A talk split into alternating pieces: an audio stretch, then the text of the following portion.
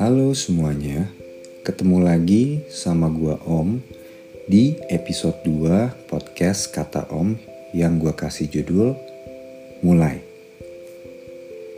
Sebenarnya boleh dibilang ini merupakan part kedua dari lahir yang sama-sama merupakan awalan.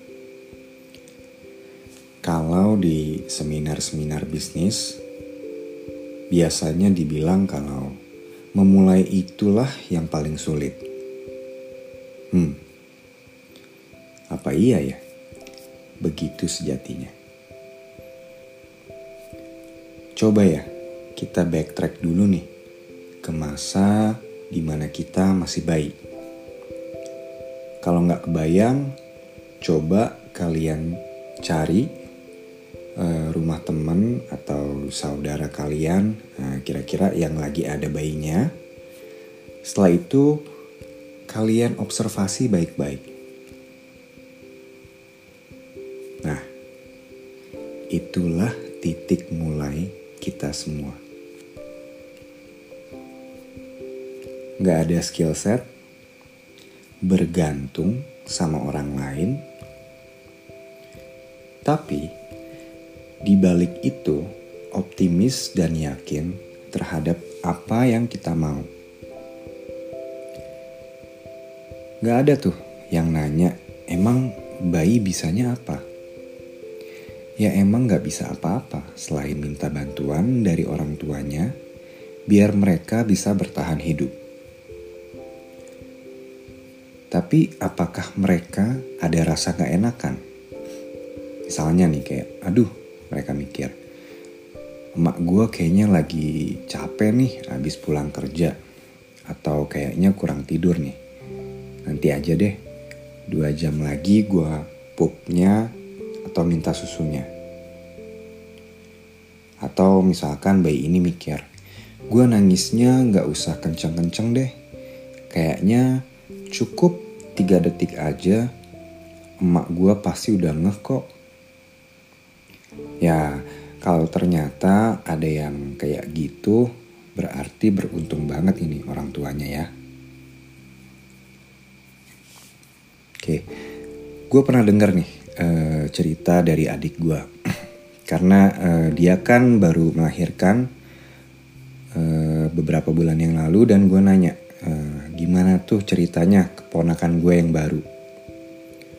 Yang bikin gue shock, katanya ponakan gue yang masih bayi ini uh, bangunnya itu tiap dua jam. Makjang. Gila, pantesan ya. Perempuan itu butuh bantuan juga dalam hal ngurusin anak bayi. Gue sih gak kebayang.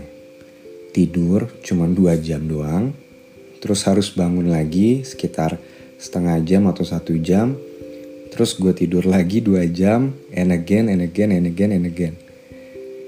Wah. Mungkin ini juga salah satu hal yang bisa trigger uh, yang namanya baby blues. Ya. Si ibu ini udah burn out masih harus ngeladenin kebutuhan bayinya yang diikuti dengan tangis, tangisan khas high pitchnya yang gak bisa kita ignore. Makanya menurut gue sih idealnya nih uh, suami dan istri itu ganti-gantian shift uh, jagain uh, bayinya. Biar waktu istirahat dua-duanya itu sama-sama cukup. Dan gue salut banget buat para perempuan terutama single parent di luar sana yang bisa ngehandle ini semuanya. Out of topic dikit nggak apa-apa lah ya. ya. Biar panjang dikit lah podcastnya. Oke, kita lanjut lagi ya sama bahasan mulai kita. Bayi itu begitu fragile, rapuh. Perlu extra care nggak bisa apa-apa selain nangis, nyusu, pup sama pipis. Tapi ada orang yang sangat menyayanginya sampai akhirnya bayi ini bisa tumbuh dengan baik menjadi manusia dewasa. Manusia dewasa inilah yang sekarang kita lihat sebagai tokoh populer yang sukses. Ya, you name it lah. Mungkin Steve Jobs, Elon Musk, uh, Warren Buffett, dan kawan-kawan ya. Dan gue cukup yakin sih, ini mereka-mereka ini pas masih bayi itu juga sama kayak kita. Gak bisa makan sendiri, gak bisa nyusu sendiri, pup sama pipis itu harus dibantuin juga. Kalau perlu apa-apa juga sama-sama nangis doang bisanya. Kita memiliki awalan yang sama dengan orang-orang tersebut Masa sih kita nggak bisa sukses juga? Nah, tapi soal kesuksesan ini juga tricky dan personal menurut gue ya. Ini mungkin akan gue bahas di episode uh, episode yang lainnya. Kali ini bahasan episode mulai lebih berfokus pada reminder kepada kita bahwasanya kita semua berawal dari gak bisa melakukan apa pun tanpa bantuan orang lain, kecuali nangis. Tapi di sini gue melihat bahwa bayi saja bisa berinisiatif, vokal terhadap apa yang dia rasakan, butuh, dan inginkan. Walaupun ini terbatas oleh kemampuan komunikasi, makanya cuma nangis aja kedengerannya. kita yang berawal sangat rapuh, tapi kita nggak hesitant nih buat asking for what we want, feel, and need. Nih, buat kalian semua yang suka hesitant buat vokal atau mengekspresikan diri kalian yang sebenarnya, coba deh mulai berubah sedikit demi sedikit. Hmm. By the way, ini juga termasuk buat gua sebenarnya. Jangan kebanyakan gak enaknya. Di sini bukan berarti gua ngajarin kalian buat ngomong ataupun bertindak seenaknya ya. Gue percaya kok, kalian punya filter sendiri terhadap apa yang baik dan tidak baik untuk disampaikan ataupun dilakukan. Cause Everybody besides you is simply clueless terhadap apa yang lu rasain, mau dan butuhin. Ya, untuk beberapa case sih nggak clueless, tapi emang anjing aja orangnya. Oke, okay. Buat orang-orang yang clueless ini, so be considerate to them dengan cara menyampaikan apa yang lu rasain, apa yang mau lu lakuin apa yang lu suka dan gak suka. Karena sebenarnya mereka gak bisa baca pikiran lo ataupun ngerasain apa yang lagi lu rasain. I know it's not easy. Gue juga masih dalam proses untuk menjadi lebih vokal dan lebih ekspresif. Ya salah satunya ini dengan cara gue buat podcast ini Semoga podcast kata on ini bisa berdampak positif untuk gua pribadi dan uh, untuk kalian semua yang ngedengerin ke depannya. Yuk, kita coba berubah menjadi lebih baik untuk diri kita dengan cara jadi lebih vokal, lebih ekspresif sedikit demi sedikit. Gak apa-apa kok kalau misalnya nih Sehari cuma bisa vokal sekali aja. Sisanya manut-manut aja nih, padahal dalamnya dongkol. Besok kita coba lagi, minimum sekali aja. Tapi kalau ternyata bisa dua kali atau lebih, well, that's a great job.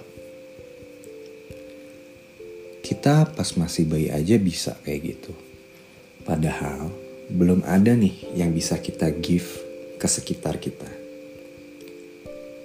Karena pada fase awal kita, kita itu hanya bisa take, take, dan take. Masa kita sekarang yang posisinya ini punya kapabilitas lebih ya daripada kita semasa bayi malah jadi nggak berani nih buat vokal dan lebih ekspresif. Dan mungkin ketika kita jadi lebih vokal dan ekspresif, maka akan lebih terbuka jalan menuju apa yang kita mau, apa yang kita suka. Karena gara-gara ngomongin soal uh, jadi vokal dan ekspresif ini, gue jadi inget salah satu quotes dari Injil yang uh, bunyinya itu, mintalah maka akan diberikan kepadamu Carilah, maka kamu akan mendapat. Ketoklah, maka pintu akan dibukakan bagimu.